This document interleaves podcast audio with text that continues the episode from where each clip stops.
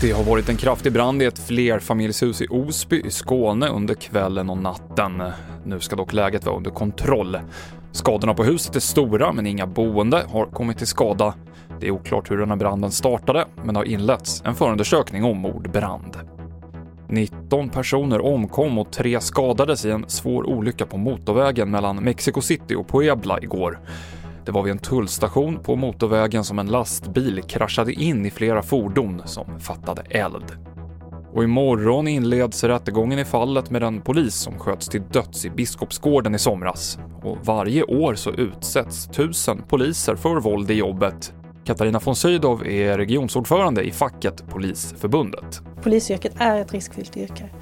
Det sker saker, men vi ska, kunna, vi ska göra allt vi kan för att man som polis ska känna att man har samhällets stöd, att man har den utrustning och eh, så att man kan gå och känna sig trygg när man går till jobbet.